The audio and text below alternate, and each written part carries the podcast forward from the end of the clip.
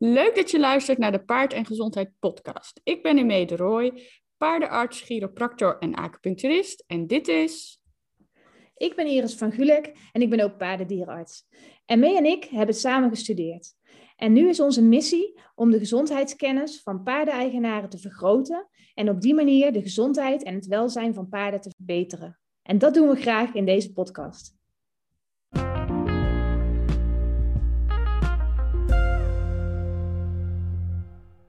Het is hier helemaal wit. Hoe is het bij jullie? Niet wit, nee. Nee? Echt? Nee.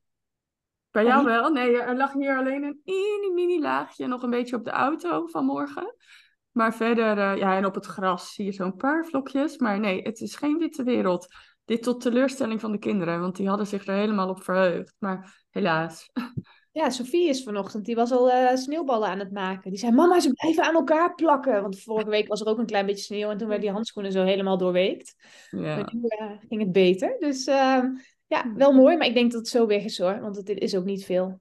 ja. Ik hoop het eigenlijk. Ik, eh, ik vind het, ja, het is altijd hartstikke leuk om naar te kijken. Maar als je iets moet doen buiten, en met Ja. paarden is het vaak helemaal niet praktisch. Dus Nee, zeker. We blijven maar sjouwen hier met emmertjes water en zo naar achteren.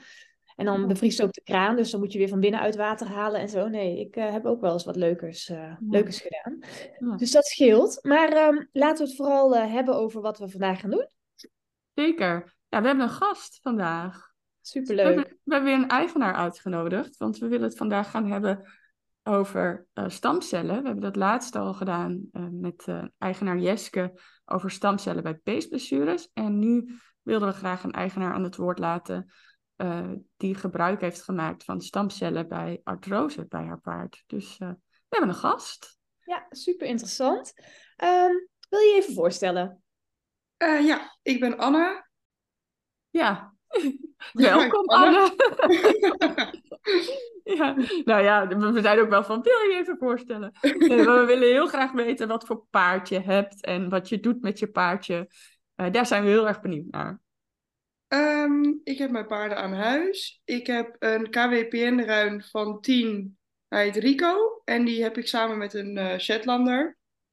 Leuk. En met ehm, Rico reed ik M-dressuur. Oh, nou, lekker. Goed zo. Hey, en ehm, nou, we begonnen de uitzending al met het feit dat je stamcellen hebt laten doen. Maar laten we beginnen bij het begin. Ehm, waarom ben je eigenlijk naar de dierenarts gegaan toen? Wat voor klachten merkte je aan je paard? Eh, het ging eigenlijk heel erg goed in de training en ook op wedstrijden. Toen ben ik ook een paar keer M gestart. Ehm, nou ja, dat is natuurlijk mijn eerste paard. Ik was er super blij mee. Ehm, en toen op een dag begon ik toch te merken dat Rico minder voorwaarts was eh, dan dat hij anders was. En had ook niet zoveel werklust als dat hij eerst had. Toen heb ik hem aan een lunchje gehad, maar ik zag er eigenlijk zelf niet zo heel veel aan. Toen heb ik in overleg met mijn instructrice heb ik hem toen een week vrijgegeven. Eh, toen wilde ik weer gaan rijden en toen merkte ik eigenlijk dat hij nog steeds minder voorwaarts was dan normaal. En toen heb ik eigenlijk meteen een afspraak gemaakt bij de dierenarts. Ja, super slim dat je inderdaad ook al met de klacht minder voorwaarts hem eventjes rust gegeven hebt en eh, daarna de dierenarts gebeld. Want we zien toch vaak dat daar anders op gereageerd wordt. Dat er toch geprobeerd wordt om die paarden er doorheen te rijden. Of dan zeggen ze hij is ineens stout of hij heeft geen zin meer. Dus ik vind het echt super verstandig dat je meteen eh, doorgepakt hebt en een afspraak gemaakt hebt. Want eh, we zien heel veel paarden die dat als eerste klacht krijgen natuurlijk bij problemen. Dat ze ineens minder voorwaarts zijn, terwijl je zelf als eigenaar nog niet zo heel veel ziet op het zachte aan kreupelheid of eh, andere dingen. Ehm, ik ben wel heel benieuwd, wat heeft je dierenarts gedaan? Eh, nou, ik heb toen de kliniek gebeld en toen zei de assistente dat het wel slim was om naar de kliniek zelf te komen met Rico. Eh, eigenlijk omdat de dierenarts daar dan meteen een kreupelheidsonderzoek kon doen. Nou ja, zij legde me uit dat het voorwaarts zijn passend kon zijn bij een kreupelheid. Nou ja, ik dacht daar eigenlijk niet meteen aan. Maar ja, ik wilde het natuurlijk wel uitgezocht hebben. Dus zij hebben er ook meer verstand van dan ik heb. Dus daardoor eh, heb ik maar Ja. gewoon haar adviezen opgevolgd. Heel goed, heel goed. Ehm, nou ja, toen ik daar was gekomen met Rico, heeft de dierenarts hem gemonsterd op de harde rechte lijn, de harde en de zachte volte. En daarin was te zien dat op de harde volte linksom eh, hij links voor kreupel was. Oké. Ja, dus hij heeft een uitgebreid kreupelheidsonderzoek gedaan van Rico. Om Ja. precies te kijken van waar heeft hij nou eh, problemen. Heeft hij ook eigenlijk buikproeven gedaan? Eh, ja, op alle vier de benen heeft hij dat gedaan. En was er eentje positief? Eh, ja, linksvoor was hij positief. Ja, dus daar ging die kreupel op weg. Ja, klopt. De andere benen waren gewoon goed. Ja. Oké. Ja, dus dat was passend bij de harde volte. Ik kan me voorstellen dat je toen wel even schrok. Dat je dacht van, oh, chips, toch een kreupelheid. Eh, Ja, tuurlijk. En ja. ja, omdat je dat zelf ook niet... Ja, Snap ik. ja je Ja. kan het kreupelheid natuurlijk wel... Als je dat thuis aan een lunch doet, dan denk je... Nou ja, ik zie niet zoveel. Maar ja, zodat Ja. er een specialist naar gaat kijken en die gaat het dan uitleggen... Dan snap je wel dat ook een mini iets al iets kan zijn. Ja, ja, nee, inderdaad. Nou, en dat willen we inderdaad ook altijd benadrukken. Dus eh, wat dat betreft eh, heel goed hoe je het hebt aangepakt. Ehm, en wist je toen eigenlijk direct dat er iets mis was eh, met het gewricht, eh, met een van de gewrichten linksvoor? Nee, eigenlijk niet. Ik heb er thuis natuurlijk ook wel naar gekeken. Naar dat been, nou, of in ieder geval de benen gecheckt. En daar was eigenlijk, wat ik kon voelen, niet echt iets op te zien. Eh, maar de dierenarts merkte wel op dat het kogelgewricht linksvoor iets voller was dan rechtsvoor. Ehm, maar ja, als hij het niet had aangewezen, had ik het ook nooit gezien. Dus eh, het is wel dat hij er langs is gegaan en zegt van, joh, Ja, het was dus niet dat het een hele dikke kogel was, zoals je misschien in je hoofd hebt, dat je wel eens ziet bij oudere paarden. nee, helemaal niet eigenlijk. Nee. Oké. En hoe is de diagnose toen verder gesteld? Ehm, de dierenarts is toen begonnen met het verdoven en dan net boven de hoef. Toen heeft hij dat gecheckt en toen was hij eigenlijk nog steeds kreupel op de voltes. Eh, daarna heeft hij de verdoving boven de kogel gezet. Eh, en toen liep hij eigenlijk helemaal goed. Hij was ook, ja, ik merkte ook gewoon meteen dat hij veel meer drang had om te lopen. En hij was ook veel vrolijker. Ja, dus we wisten wel waar het in ieder geval zat. Dus dat was wel fijn. Ja, je had toen in ieder geval een regio waar, Ja. het, ehm, waar het zat. En wat heeft de dierenarts toen verder nog gedaan? Zijn er foto's gemaakt of wat is er gedaan? Eh, ja, hij heeft röntgenfoto's gemaakt. eh, ook van het been, eh, van de kogel en de ondervoet. En ehm, daarop zagen ze dat er lichte artrose aanwezig was in het kogelgewricht. Ja, dus ook dat gewrichtje waar hij had aangewezen dat het wat dikker was. Ja, Ja. En ehm, toen? Is hij toen meteen behandeld of wat is er gebeurd? Eh, nee, Rico moest helaas een nachtje blijven op de kliniek. eh, zodat de dierenarts de dag daarna het kogelgewricht kon uitverdoven. Ja, het was natuurlijk wel even sip om hem achter te laten. Maar het was natuurlijk wel met een goed doel. Dus, eh, en hij is in goede handen daar geweest. Dus Ja. het was even Ja, moeilijk, maar... Ja, dat is niet fijn. Je denkt om mee naar huis te nemen en dan eh, krijg je zoiets. Dus hij mocht Ja. dagje daar op stal. Ja, en de volgende dag? Was je erbij bij het onderzoek of niet? Eh, nee, in de middag werd ik gebeld door de dierenarts. ehm, dat Rico na het verdoven van de kogel goed liep. Oké, dus toen was wel heel duidelijk geworden dat hij echt last had van ehm, zijn linkerkogel eigenlijk. Ja. En die, eh, die milde artrose die ze zagen op de foto. Ja. Ja, nou, is in ieder geval heel, eh, heel goed uitge... eh, hoe zeg je dat? Uitgevonden? Ah, ja. Ja, Uitgezocht door de dieren. ja, precies. Ja. Nou, en de aflevering gaat natuurlijk over eh, stamcellen. Ehm, en waarom ehm, heb jij toen, nou, ik neem aan in overleg met je dierenarts, eh, waarom heb je toen voor eh, stamcellen gekozen? Ehm, nou ja, de dierenarts heeft me toen uitgelegd wat de opties waren waar ik uit kon kiezen. Ik kon ook kiezen uit een injectie met ontstekingsremmers. Maar de dierenarts legde daarbij ook uit dat het in dit stadium ook mogelijk was om na te denken over stamcellen. En dat eigenlijk omdat de artrosevorming dan beïnvloed zou kunnen worden. En niet alleen de symptomen daarbij behandeld zouden worden. Dus ja, ik moest er natuurlijk wel even over nadenken. Maar het gewricht moest wel tot rust komen. Maar we hebben er toen toch wel voor gekozen om stamcellen te proberen. Om deze artrose te behandelen. En de dierenarts was eigenlijk ook heel positief over.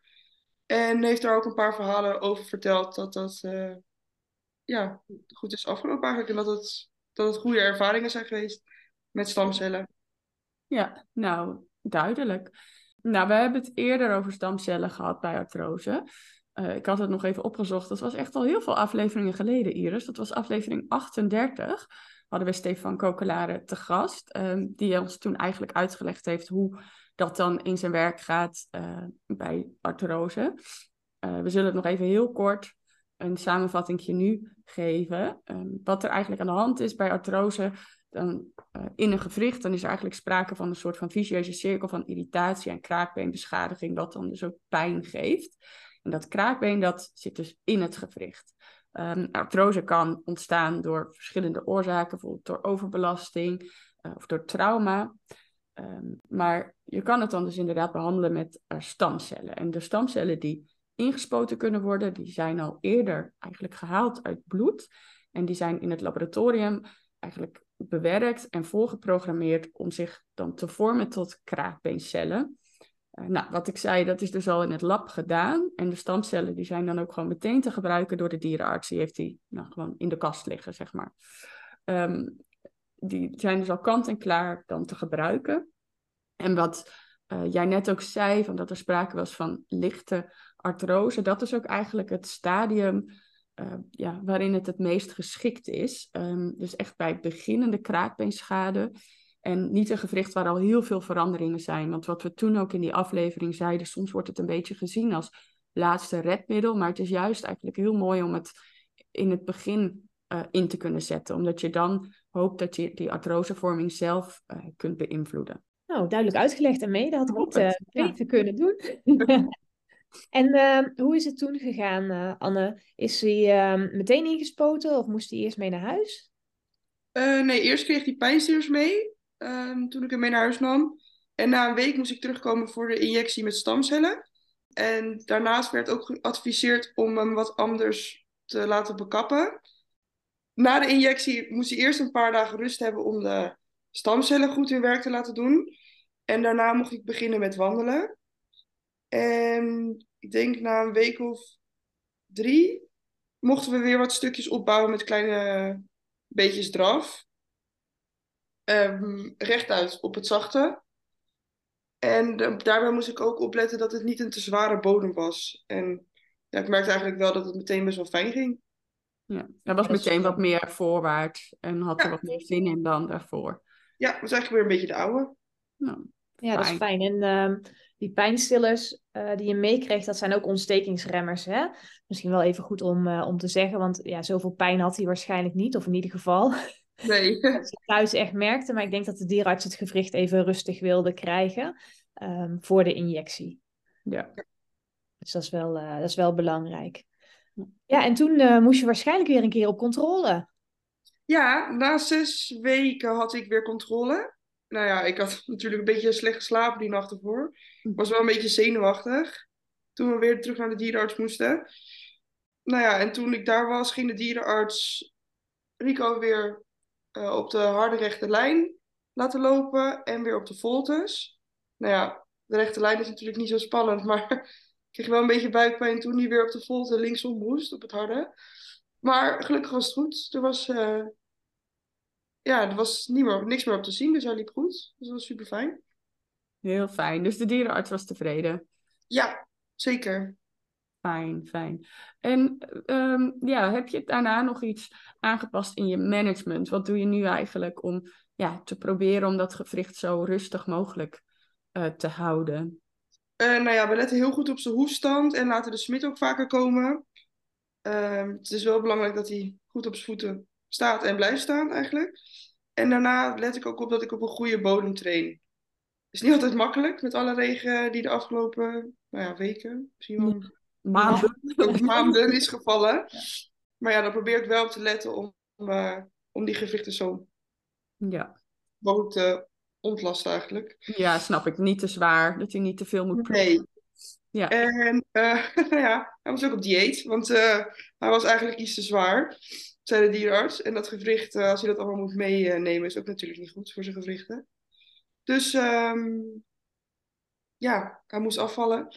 Ja. En zelf ben ik een supplement voor zijn gewrichten gaan geven. Oké, okay, ja. Ja, en dat afvallen is inderdaad ook heel belangrijk. Want wat je zegt, dat moet hij allemaal meedragen. Ja. En uh, alles wat het uh, beter voor hem maakt, of makkelijker voor hem maakt, is belangrijk. Ja. En hoe gaat het nu? Dat wou ik vragen. Oh, dat wou ik ook vragen. Oh, sorry, ja, jij mag het ook vragen. Ik ben zo Ik ben heel benieuwd. benieuwd hoe het nu is. Ehm, nou ja, we zijn nu vijf maanden verder en het gaat gelukkig heel erg goed. We hebben de training weer helemaal opgepakt zoals vanouds en dat eh, kan hij ook goed aan. Rico is net zo voorwaarts en vrolijk als dat hij altijd is geweest, dus dat is echt super fijn.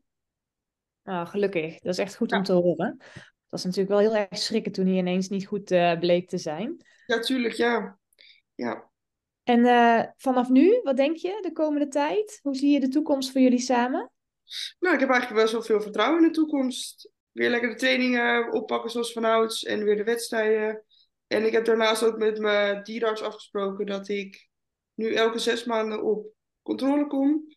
Zodat we er nu echt op tijd bij zijn als er iets is. Ja, nu was natuurlijk mijn enige klacht dat Rico iets minder voorwaarts was. Terwijl hij op de harde volte bij de dierenarts kreupel liep. Dus ja, ik wil het nu wel gewoon goed in de gaten houden. En ik ben geen dierenarts, dus ik zie ook niet alles. Dus de zes eh, maanden controle is gewoon voor mezelf en voor hem dat hij niks, eh, niks heeft. Heel Ja, verstandig. belangrijk. Ja, en ook geruststellend dan voor jezelf, als dan de dierenarts hopelijk gewoon weer kan bevestigen dat het allemaal goed gaat. Ja, zeker. Ja, nou, nou heel erg bedankt voor je Ja, verhaal. super tof. Ja. Ja. Fijn dat het goed gaat. En ehm, ja, ik eh, weet niet of jij nog iets ter afsluiting wil zeggen, Iris.